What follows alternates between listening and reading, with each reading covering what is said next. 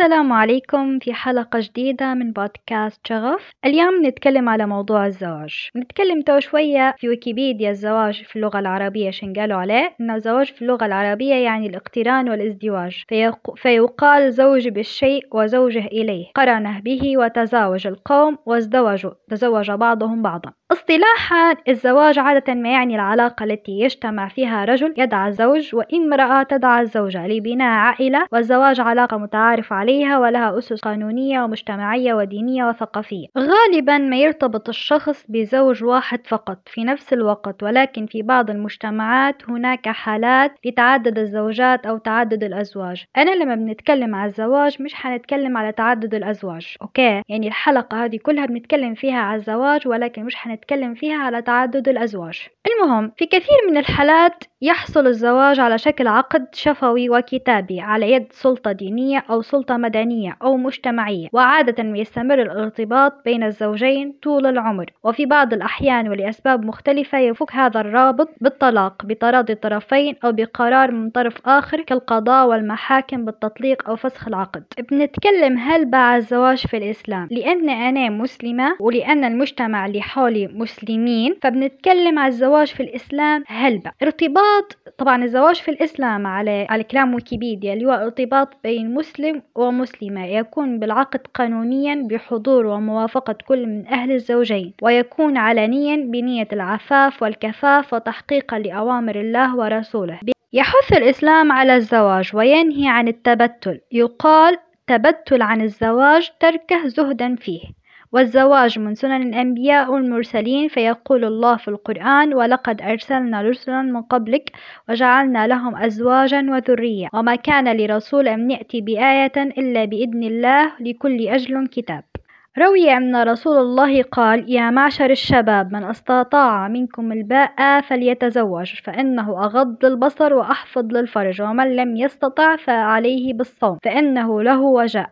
والزواج آية من آيات الله في الكون لقوله تعالى ومن آياته أن خلق لكم من أنفسكم أزواجا لتسكنوا إليها وجعل بينكم مودة ورحمة إن في ذلك لآيات لقوم يتفكرون يعتبر الاختيار قبل الزواج عاملا مهما لبناء الأسرة وهناك عدة صفات يتم عليها الاختيار وقد أخبر النبي صلى الله عليه وسلم عن ذلك بقوله تنكح المرأة لأربع لمالها ولحسبها وجمالها ولدينها فأظفر في ذات الدين. تربت يداك معنى ذات الدين أي الملتزمة بتعاليم الدين بالمحافظة على العبادة واجتناب ما نهي الله عنه وهو أفضل ما ينبغي توفره في الزوجين ملتزما بشرائع الإسلام. نتكلم شوية على نظرة الإسلام للزواج والمرأة. أنا بكري شوية تكلمت على الزواج في الإسلام. تو بنتكلم على نظرة الإسلام للزواج والمرأة هو يعتبر نفس الشيء ولكن نتكلم بعمق أكثر الزواج في الإسلام سكن للنفس وراحة للقلب واستقرار للضمير وتعايش بين الرجل والمرأة على المودة والرحمة والانسجام والتعاون والتناصح والتسامح. ليستطيعا في هذا الجو الأليف الوديع الحاني أن يؤسسا الخلية السعيدة. والمرأة الصالحة في الإسلام متعة الحياة الأولى ونعمة الله الكبرى على الرجل إذ يسكن إليها من لواء العيش ولغوب الكدح والنصب. فيجد عندها الراحة والسلوى والمتاع الذي لا يدانيه في حياة الإنسان متاع. وصدق رسول الله صلى الله عليه وسلم إذ يقول الدنيا متاع وخير متاعها المرأة الصالحة. هذه هي نظرة الإسلام إلى الزواج في أفقه العالي الوضيع وتلك هي نظرته للمرأة في علياء أنوثتها المكرمة. ويسمو الإسلام الحنيف في إنصاف المرأة وتكريمها وتوصية الزوج بحسن معاشرتها حتى ولو كان كارها لها وهذا لم تصل إليه المرأة في تاريخها كله إلا في هذا الدين. يقول الله تعالى في محكم كتابه وعاشروهم بالمعروف فإن كرهتموهم فعسى أن تكرهوا شيئا ويجعل الله فيه خيرا كثيرا. إن عقد الزوجية في الإسلام لأكبر من النزوات العاطفية الصغيرة وأجل من ضغط الميل الحيواني المسعور وإن في المسلم الحق من المروءة والنبل والتجمل والاحتمال وسعة الصدر وسمو الخلق ما يجعله يرتفع في تعامله مع زوجته التي يكره. بعيدا جدا عن نزوات البهيمة وطمع التاجر وتفاهة الفارغ. من هنا كان الزوج المسلم الواعي من أنجح الأزواج في الحياة الاجتماعية ومن أحبهم إلى نفس المرأة الصالحة النظيفة الحصان. يحسن التوفيق بين إرضاء زوجه وبره لوالدته. لا يكون عاقا لوالدته ولا ظالما لزوجته بل يعرف لوالدته حقوقها ويقوم ببرها على أحسن وجه ويعرف لزوجته أيضا حقوقها فلا يهضم منها شيئا في سبيل بر الوالدة ورعايتها. ويحسن القوامة على المرأة لأن لهذه القوامة تبعات وعلى الرجل بسببها مسؤوليات. فالرجل مسؤول مسؤول عن زوجته مسؤولية كاملة. كلكم راع وكلكم مسؤول عن رعيته. الإمام راعي ومسؤول عن رعيته ورجل راعي في أهله ومسؤول عن رعيته والمرأة راعية في بيت زوجها ومسؤولة عن رعيتها والخادم راعي مال سيده ومسؤول عن رعيته وكلكم راع ومسؤول عن رعيته. وكما أن الإسلام أوصى بالمرأة وأعلى مكانتها. أمرها أن تعرف دورها في الحياة وأن تقف عند الحدود التي رسمتها لها الشريعة لتستطيع أن تؤدي رسالتها وتقوم بدورها على النحو الأفضل. شريكة للرجل في تربية الأجيال وتنظير الحياة بالمتعة والسعادة والجمال.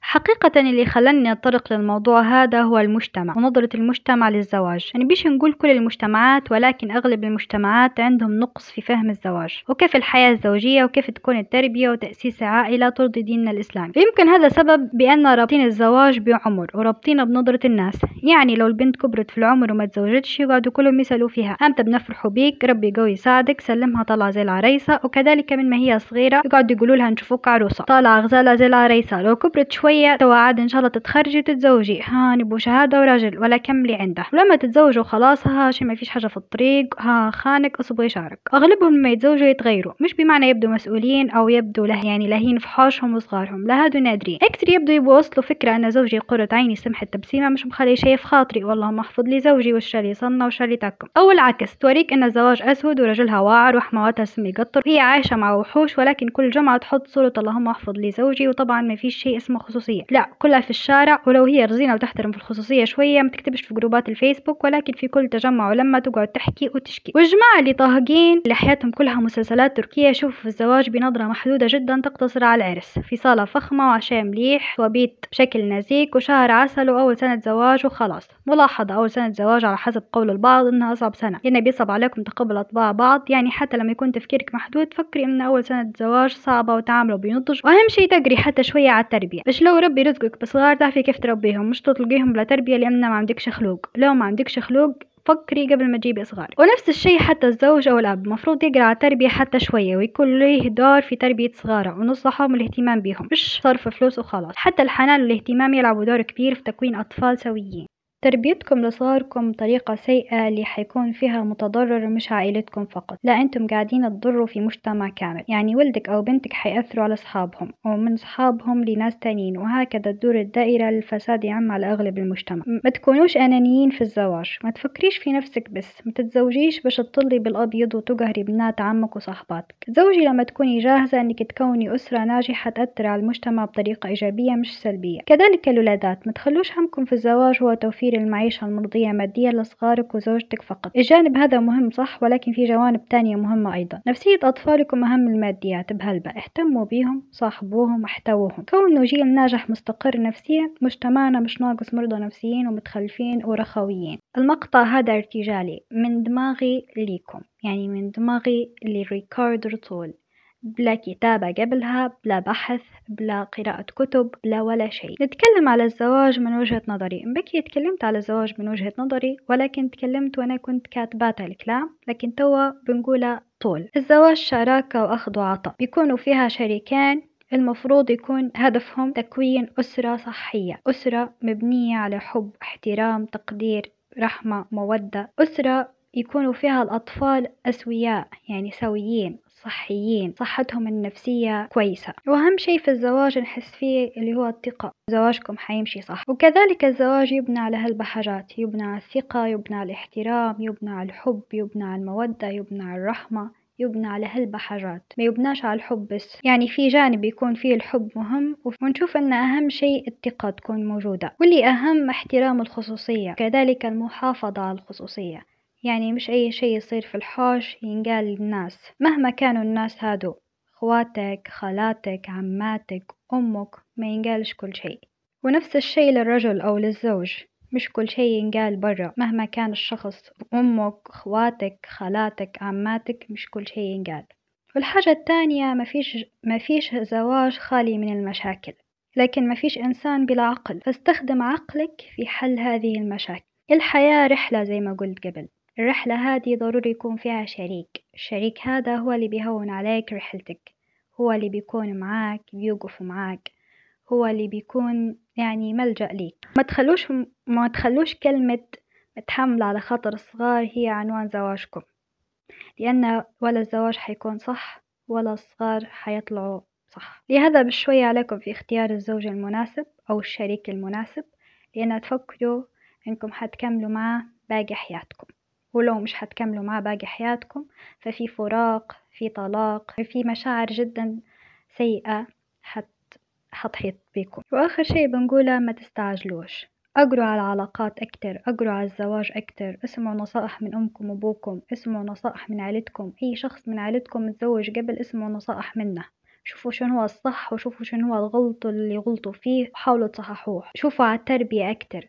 شوفوا كيف مالكم ربوكم وتعلموا من الحياة تعلموا من أخطائكم تعلموا من الدنيا وبعدين لما تلقوا روحكم جاهزين للخط... لخطوة زي هذه أخطوها وأنتوا فرحانين وبإذن الله مش حتندموا وكانت معكم نسيبة الهوني من بودكاست شغف بسلامة سلمكم ودمتم بشغف Thank you. Come again.